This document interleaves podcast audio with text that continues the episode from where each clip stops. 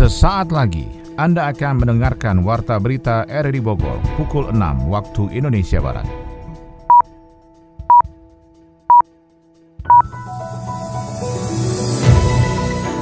Selamat pagi, salam jumpa. Kami hadir kembali dalam Warta Berita edisi hari ini, Selasa 30 Agustus 2022. Informasi ini juga turut disiarkan melalui audio streaming lewat RRI Play dan juga disiarkan lewat Radio Tegak Beriman Kabupaten Bogor, Jawa Barat dan Anda bisa akses di Spotify RRI Bogor. Pemerintah menyiapkan 24,17 triliun rupiah bagi masyarakat terdampak pengalihan subsidi bahan bakar minyak BBM. Menteri Pariwisata dan Ekonomi Kreatif mendorong generasi milenial mengembangkan industri kreatif dan digital. Aparat penegak hukum segera menyita aset DPU dugaan korupsi bantuan tak terduga bencana alam Kabupaten Bogor. Saya Maulana Isnarto, inilah Warta Berita selengkapnya.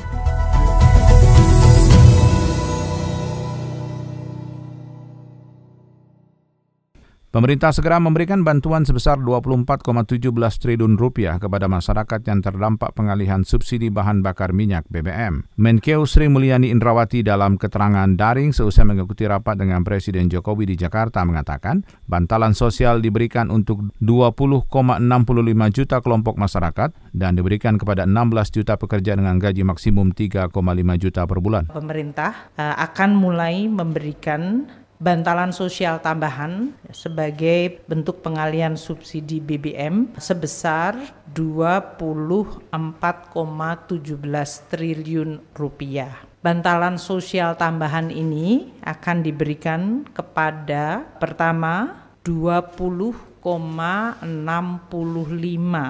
juta kelompok atau keluarga penerima manfaat dalam bentuk bantuan langsung tunai pengalihan subsidi BBM sebesar 12,4 triliun rupiah. Jadi 20,65 juta kelompok atau keluarga penerima manfaat yang akan mendapatkan anggaran sebesar 12,4 triliun rupiah yang akan mulai dibayarkan oleh Ibu Mensos 150 ribu selama empat kali jadi dalam hal ini Ibu Mensos akan membayarkannya dua kali yaitu 300 ribu pertama dan 300 ribu kedua. Itu akan dibayarkan melalui berbagai saluran kantor pos di seluruh Indonesia untuk 20,65 juta keluarga penerima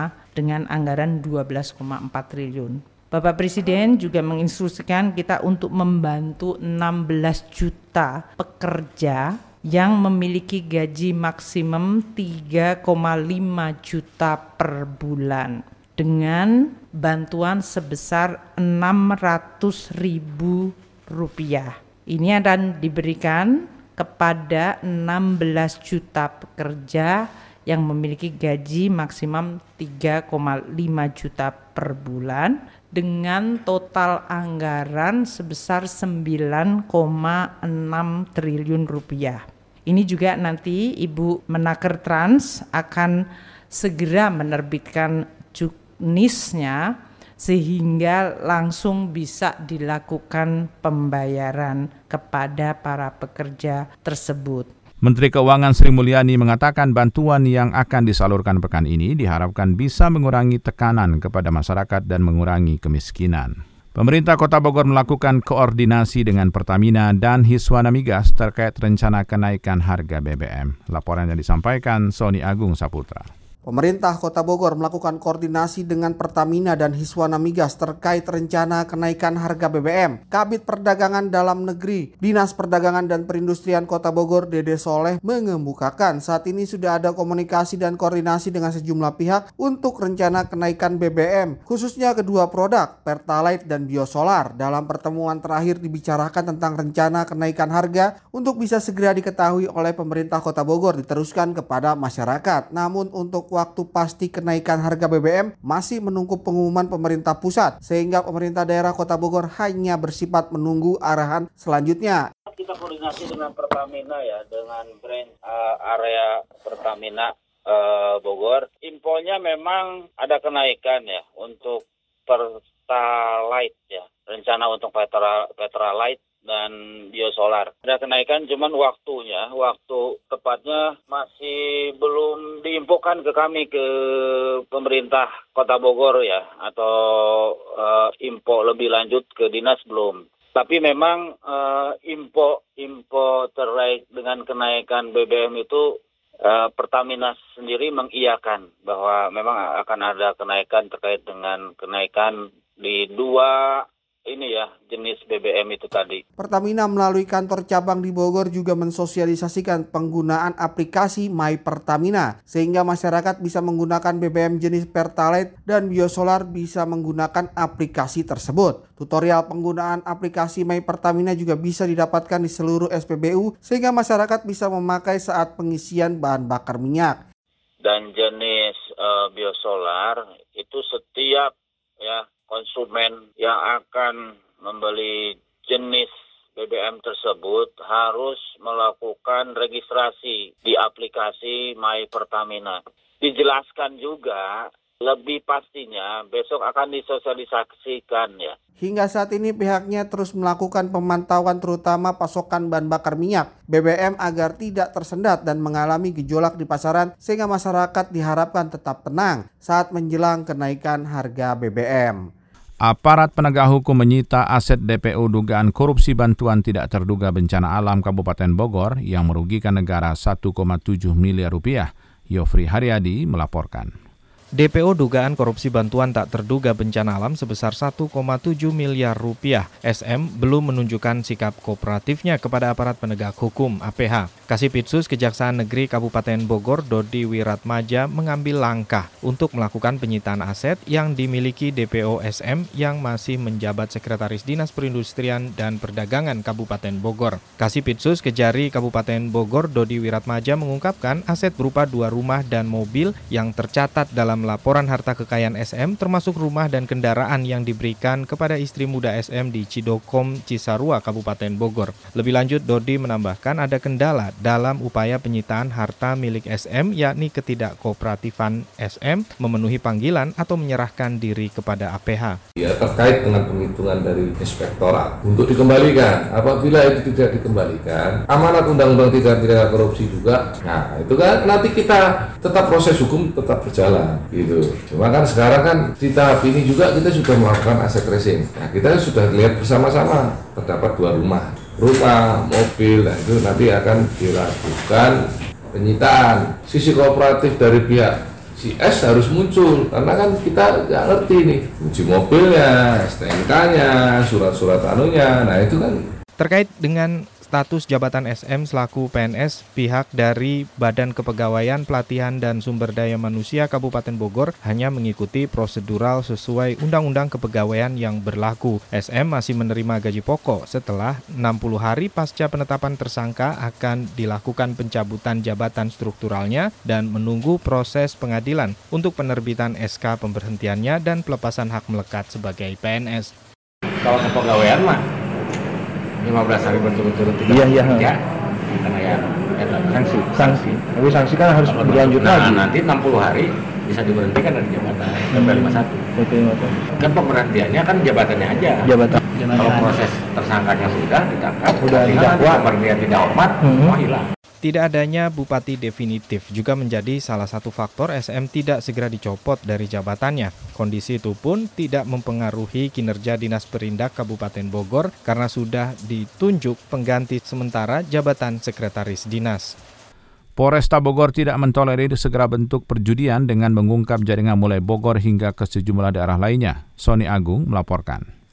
Maraknya perjudian secara online atau offline harus mendapat perhatian dari semua pihak untuk menghindarkan generasi bangsa Indonesia dari ancaman kecanduan judi. Semua pihak harus bekerja keras untuk memberantas perjudian secara online atau offline, Ketua Peradi Kota Bogor Gunara mengatakan aparat penegak hukum harus tegas memberantas perjudian guna menghindarkan rusaknya pikiran generasi muda dan menyebabkan kemiskinan. Aparat penegak hukum jangan ragu melakukan penindakan karena walaupun server dari judi online itu berada di negara lain, tapi indikasi operator ada di Indonesia harus menjadi pengejaran untuk mengungkap kasus judi tersebut. Kalau kita melihat dari segi dari tindakan perbuatannya.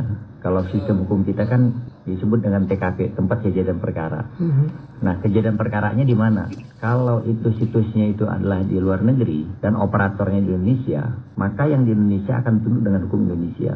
Nah, sehingga TKP-nya adalah di Indonesia. Si operatornya? Ya, operator itu, gitu. Karena dia kan yang mengepulnya, ya, yang menarik semua dana-dana uh, dari pemasangan-pemasangan itu sehingga dikenakanlah pasal yang ada berdasarkan undang-undang Indonesia hmm. sehingga perbuatannya makanya istilah istilahnya kalau 303 itu 303 ya, 303 itu bahwa itu adalah uh, pasal menyangkut masalah larangan untuk melakukan perjudian di situ. Dari sisi regulasi pemerintah sudah mengatur dan mengawasi peredaran judi online karena dapat langsung menutup situs aplikasi yang terindikasi melakukan praktek perjudian online. Kepada Dinas Komunikasi dan Informatika Diskominfo Kota Bogor Rahmat Hidayat menjelaskan kementerian sudah memblokir sedikitnya 118.000 situs berbau judi online, 15 di antaranya sudah terdaftar penyelenggara sistem elektronik PSE.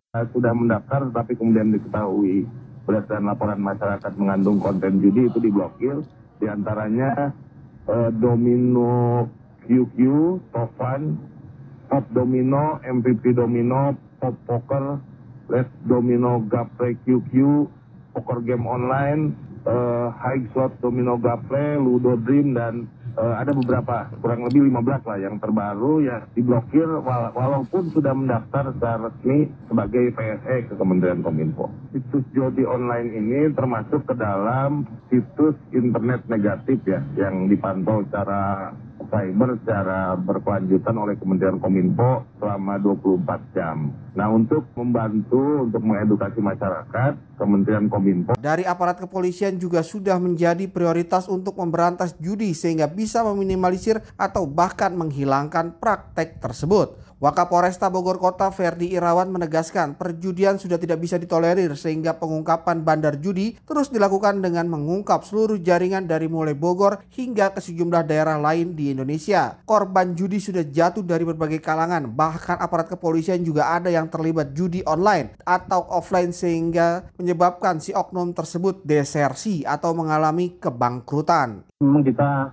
mengajak masyarakat Kota Bogor khususnya, kalau memang masih menemukan atau mengetahui mungkin uh, adanya praktek perjudian apakah itu konvensional atau apakah itu online yang ada di lingkungan sekitarnya, tolong diinformasikan kepada kami supaya ada uh, bahan bagi uh, kami untuk menindaklanjutinya Ya kalau kita bicara judi online ini sebenarnya ini dari segala umur ya. Bahkan perlu saya informasikan ini ya. Ini tidak hanya menyasar masyarakat, anggota kami juga, ini perlu saya jelaskan, perlu saya informasikan ke masyarakat, anggota kami ini ada salah satu anggota yang harus desersi saat sekarang ini karena memang terlibat judi online, kemudian dia memiliki hutang yang banyak sehingga tidak mampu membayarnya, sehingga desersi sekarang, tidak melaksanakan tugas sudah sekian bulan dan ini sedang dalam pencarian kita. Peran serta masyarakat dalam mencegah pemberantasan perjudian juga diperlukan dengan melaporkan jika pihak berwajib atau pemerintah jika terjadi indikasi praktek perjudian baik online atau offline. Ratusan warga desa Sukawangi, Kecamatan Sukamakmur, Kabupaten Bogor menunggu diterbitkannya sertifikat tanah oleh ATR BPN dalam kasus sengketa batas lahan dengan Kementerian Lingkungan Hidup dan Kehutanan KLHK. Laporan disampaikan Yofri Haryadi. Kasus sengketa batas lahan yang terjadi antara warga Desa Sukawangi, Kecamatan Sukamakmur, Kabupaten Bogor, dan Kementerian Lingkungan Hidup dan Kehutanan KLHK masih simpang siur. Ratusan warga di desa itu pun masih menunggu diterbitkannya sertifikat tanah oleh ATR BPN dalam program PTSL, pendaftaran tanah sistematis lengkap. Kepala Desa Sukawangi, Kecamatan Sukamakmur, Budianto mengatakan ada 1.500 bidang tanah yang sudah diukur dan ternyata sebagian besar berbatasan dengan lahan lahan milik Kementerian Lingkungan Hidup dan Kehutanan. PR kita itu sudah mengerucut kepada lahan kita itu sudah jelas sebagian besarnya itu kawasan hutan. Setelah kawasan hutan itu lepas, kemudian tapal batasnya akan otomatis bergeser. Nah, sementara yang yang dipinta oleh masyarakat ini bahasa mereka itu fokus di tapal batas, tapi apa pun bahasanya ya tujuannya kita sama. Nah, yang sudah kita lakukan itu sebetulnya sudah sudah ada upaya sudah ada upaya, tapi terkadang eh, ada miss juga nih kebijakan ini juga bukan kemudian sepenuhnya ada di kami pemerintahan desa karena yang yang berwenang yang berwenang mengeluarkan e, tata batas atau terakhirnya ada di KLHK.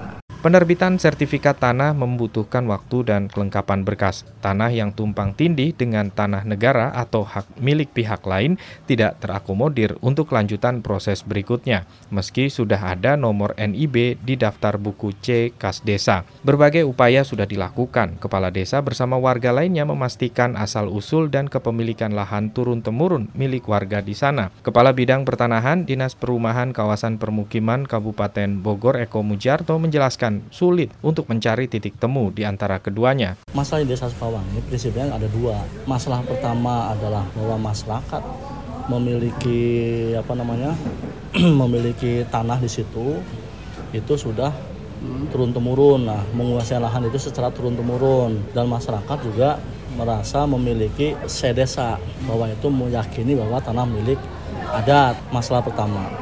Masalah kedua, apa yang diklaim oleh masyarakat yang tadi itu secara pemetaan masuk ke dalam peta kawasan hutan. Sehingga kedua permasalahan ini dia tidak bisa akan ketemu karena yang satu menyatakan bahwa itu tanah milik adat yang selain pihak bahwa itu masuk ke dalam peta kawasan hutan. Pemkab Bogor dan kantor ATR BPN setempat sudah melayangkan surat kepada kementerian terkait untuk mencari jalan tengah dan diharapkan dapat memberi rasa puas terhadap warga yang selama ini tidak memiliki kepastian atas hak tanah yang mereka garap. Terhadap bidang-bidang tanah yang dilakukan pemasangan pelang itu eh, nanti Eh, mudah-mudahan nanti dari pusat nanti bersama-sama dengan pemerintah daerah dan unsur di daerah kecamatan dan kepala desa sama-sama untuk melakukan verifikasi melakukan verifikasi data bahwa yang bidang-bidang tanah yang di yang dimaksud di dalam penyitaan itu. Tapi benar itu ada beberapa sekolah yang masuk. Sekolah, soal sekolah maksudnya.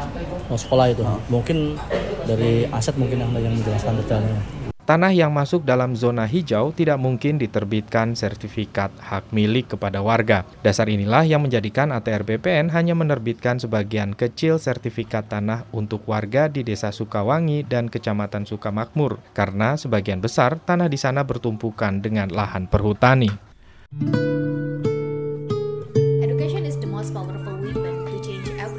Jadi pengen lanjut S2 deh? Ya elah, ngapain sekolah tinggi-tinggi sih? Ujung-ujungnya juga di rumah ngurus anak. Pasti perempuan. Belok ke kanan, tapi sen ke kiri.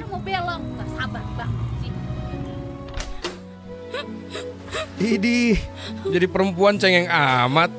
Manja banget deh ah. Sadar gak sadar, candaan verbal bernada seksisme mendorong diskriminasi dengan menjadikan gender sebagai objek perlakuan tidak adil. Sudah saatnya merubah pola pikir, ucapan, tulisan, dan perilaku agar tidak merendahkan harkat dan martabat orang lain.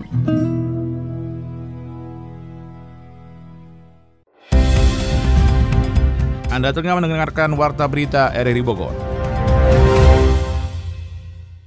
Menteri Pariwisata dan Ekonomi Kreatif Sandiaga Salahuddin Uno memberikan motivasi kepada generasi milenial untuk mengembangkan industri kreatif dengan digital. Kita ikuti laporan Yofri Haryadi. Menteri Pariwisata dan Ekonomi Kreatif Sandiaga Salahuddin Uno memberikan motivasi kepada generasi milenial untuk mengembangkan industri kreatif dan digital. Menurutnya, kreativitas anak muda Indonesia dalam bidang fotografi dan videografi berkelas dunia dengan jumlah browsing dan enkripsi di atas rata-rata pengguna internet di Asia Tenggara. Dalam kunjungan kerjanya di pesantren Ruhama Al-Fajar, Kecamatan Tajur Halang, Kabupaten Bogor, Menteri Sandiaga Uno mengatakan seni rupa memiliki daya tarik tersendiri bagi penggiatnya. Terlebih ditunjang dengan jaringan yang luas seperti pondok pesantren di seluruh Indonesia. Melalui gerakan santri digital preneur, Menparekraf optimis 1,1 juta pekerjaan dapat diwujudkan pada sektor tersebut. Terbuka peluang karena Indonesia sekarang posisi tiga besar dunia dengan 1.300 triliun rupiah. Santri-santri ini ada total 5 juta dengan 28 ribu pesantren. Saya melihat perbedaan di uh, Ustadz Salman ini pendekatannya di Rumah Al-Fajar ini adalah quality over quantity. Jadi kualitas yang diutamakan. Dan menurut saya ini pendekatan yang sangat tepat dalam menciptakan peluang usaha dan lapangan kerja ke depan. Karena ekonomi kreatif menciptakan 700 ribu lapangan kerja baru tahun ini. Melalui karya fotografi dapat menyampaikan sebuah pesan untuk banyak kebutuhan baik itu profil seseorang, perusahaan dan produk yang dikonsumsi oleh masyarakat. Perkembangan aplikasi penjualan juga syarat akan bidang fotografi dan videografi sebagai penopang bisnis utamanya, jual beli barang dan jasa. Dengan jumlah yang tersebar di seluruh Indonesia, jaringan santri mampu memenangkan persaingan global di dalamnya. Menjadi wilayah rawan bencana, aparat kewilayahan Bogor Selatan meminta warga meningkatkan kewaspadaan dengan melakukan mitigasi bencana saat cuaca buruk terjadi. Adi Fajar melaporkan.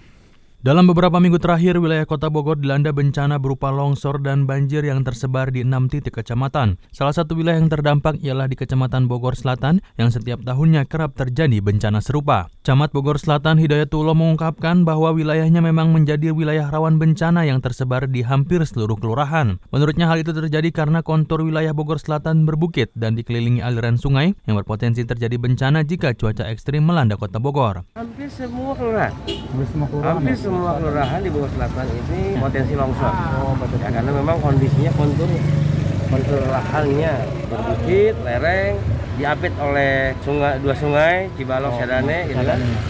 Ya memang kondisi itulah yang memang perlu kami lakukan upaya-upaya asesmen. Untuk itu Hidayatullah memberikan atensi kepada seluruh jajaran aparat kewilayahan untuk memetakan potensi bencana di lingkungan warga, khususnya bagi warga yang bermukim di dekat aliran sungai dan tebingan untuk melakukan mitigasi bencana dengan segera melakukan evakuasi ke tempat yang lebih aman jika terjadi cuaca buruk. Pertama adalah kalau musim penghujan, cuaca tidak membaik, kami juga pastikan ke lurah, lurah melalui pengurus wilayah, memastikan warga-warga yang memang tinggal di pinggir uh, aliran sungai maupun di pinggir-pinggir gawir jurang itu segera untuk mengevakuasi diri hmm. karena keselamatan jiwa adalah nomor utama. Kejadian bencana terakhir terjadi pada minggu lalu akibat intensitas hujan tinggi melanda kota Bogor. Data dari BPBD Kota Bogor bahwa terjadi sebanyak 25 bencana alam, yakni banjir lintasan, atap rumah terbang, tanah longsor, dan pohon tumbang. Sementara kejadian bencana mendominasi di wilayah Bogor Selatan, khususnya di Kelurahan Cipaku. Dari dunia ekonomi, pemerintah akan menggelontorkan bantuan sosial dan BLT kepada 20,65 juta keluarga penerima. Kementerian Perhubungan kembali menunda kenaikan tarif ojek online. Kita ikuti laporan Adi Fajar Nugraha. Menteri Keuangan Sri Mulyani menyebut pemerintah akan menggelontorkan bantuan sosial atau bansos dan BLT dari pengalihan subsidi BBM sebesar Rp600.000 kepada 20,65 juta keluarga penerima manfaat atau KPM. Bansos akan diberikan lewat Kementerian Sosial sebanyak empat kali dengan besaran masing-masing Rp150.000 per KPM. Menurut Sri Mulyani, daya beli masyarakat saat ini dihadapkan dengan kenaikan harga bahan-bahan pokok sehingga diperlukan respon dari pemerintah. Bansos tersebut akan mengalir kepada 20,65 juta KPM dalam bentuk BLT dengan total 12,4 triliun rupiah. BLT itu itu akan dikucurkan melalui berbagai saluran kantor pos di seluruh Indonesia di bawah kewenangan Kemensos. Kemudian sisa pengalihan anggaran subsidi BBM sebesar 9,6 triliun rupiah akan mengalir untuk 16 juta pekerja dengan gaji di bawah 3,5 juta rupiah per bulan. Bansos sebesar 600 ribu rupiah per pekerja itu akan diberikan lewat Kementerian Ketenagakerjaan. Kementerian Perhubungan kembali menunda kenaikan tarif ojek online atau ojol. Sedianya kenaikan mulai berlaku pada Senin kemarin. Juru bicara Kemenhub Adita Irawati mengungkapkan penundaan dilakukan dengan mempertimbangkan situasi dan kondisi yang berkembang di masyarakat. Sebelum memperlakukan kenaikan tersebut, Kemenhub akan menampung lebih banyak masukan dari semua pemangku kepentingan soal layanan transportasi online di Indonesia termasuk kepada para pakar transportasi. Ia juga memastikan apabila telah mengambil keputusan, pihaknya akan langsung menyampaikannya kepada masyarakat. Penundaan ini bukanlah kali pertama dilakukan oleh pemerintah. Sementara tarif ojol diatur dalam tiga zona berbeda dan terdiri dari biaya jasa dengan batas batas atas dan bawah, serta biaya jasa minimal per 5 km pertama. Untuk tarif ojol zona 1 yakni Sumatera, Bali, dan Jawa selain Jabodetabek berlaku biaya jasa batas bawah sebesar Rp1.850 per kilometer dan biaya jasa batas atas sebesar Rp2.300 per kilometer dengan biaya jasa minimal antara Rp9.250 sampai Rp11.500 yang sebelumnya sebesar Rp7.000 hingga Rp10.000. Untuk zona 2 yakni Jabodetabek berlaku biaya jasa batas bawah sebesar Rp2.600 per kilometer yang sebelumnya Rp2.000 dan biaya jasa batas atas sebesar Rp2.700 per kilometer yang sebelumnya Rp2.500 per kilometer. Sementara zona 3 yakni Kalimantan, Sulawesi, Nusa Tenggara, Maluku, dan Papua berlaku biaya jasa batas bawah sebesar Rp2.100 per kilometer, biaya jasa batas atas sebesar Rp2.600 per kilometer, dan biaya jasa minimal dengan rentang antara Rp10.500 hingga Rp13.000 yang sebelumnya sebesar Rp7.000 hingga Rp10.000.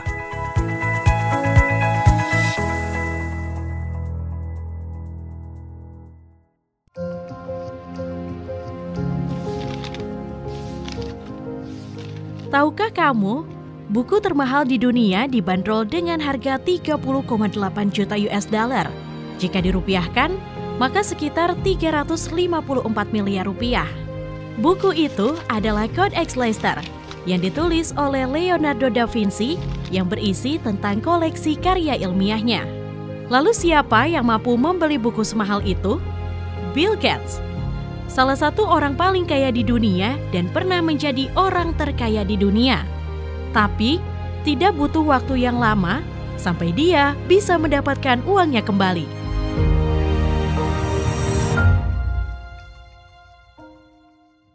Dari dunia olahraga, judoka Kota Bogor mengantarkan tim judo Jawa Barat juara umum kedua ke Jurnas Judo Senior Perorangan dan Kata Menpora Cup 2022.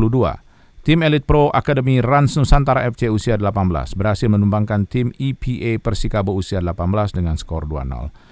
Kita ikuti laporan olahraga bersama Ermelinda.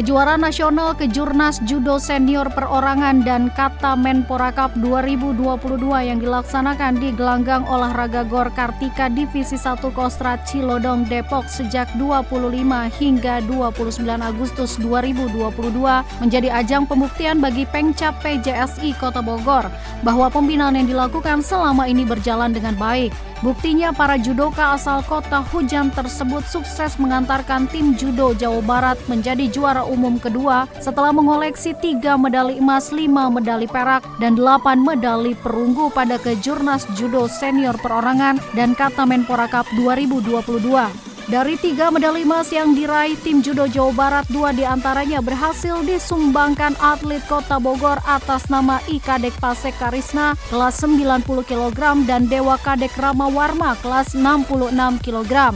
Ketua Umum PJSI Kota Bogor R. An Andri Hikmat mengaku bangga atas kontribusi medali yang telah dipersembahkan para judoka Kota Bogor. Apalagi kata An atlet Kota Bogor menjadi penyumbang medali terbanyak untuk Jawa Barat di ajang kejurnas kali ini. Dengan hasil tersebut, sambung An-An, PJSI Kota Bogor kian mantap menatap Pekan Olahraga Provinsi Porprov ke-14 Jawa Barat 2022.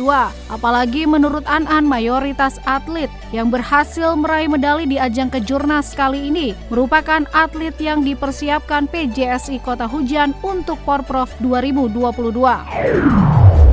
11 pemain sepak bola asal Bogor yang tergabung dengan tim Elite Pro Academy Rans Nusantara FC berusia 18 berhasil menumbangkan tim EPA Persikabo usia 18 dengan skor 2-0. Sejak kick-off babak pertama, tim besutan Muhammad Kodrat langsung menggebrak jantung pertahanan Persikabo usia 18. Buktinya gol pertama tim EPA Rans Nusantara FC yang bermaterikan para pemain jebolan Bogor Junior League atau BJL dicetak melalui sundulan dan Lestaluhu pada menit 47 babak kedua yang mendapatkan asis dari Rafli Selang. Sementara gol kedua bagi skuad yang dimanajeri Gautama Bayu Randy Wahyudi ini dicetak oleh Muhammad Nurul Zolam pada menit ke-72 setelah mendapatkan umpan dari Syamsul Rifai. Bayu menambahkan secara kualitas materi pemain Rans Nusantara FC berusia 18 bermain sangat baik ketika mengalahkan Persikabo usia 18.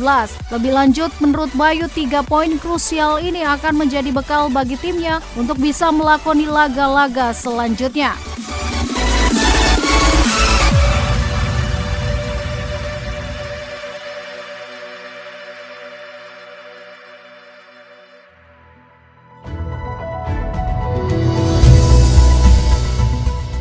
Demikian rangkaian informasi dalam Warta Berita di edisi hari ini. Sebelum berpisah kami sampaikan berita utama. Pemerintah menyiapkan 24,17 triliun rupiah bagi masyarakat terdampak pengalihan subsidi bahan bakar minyak BBM.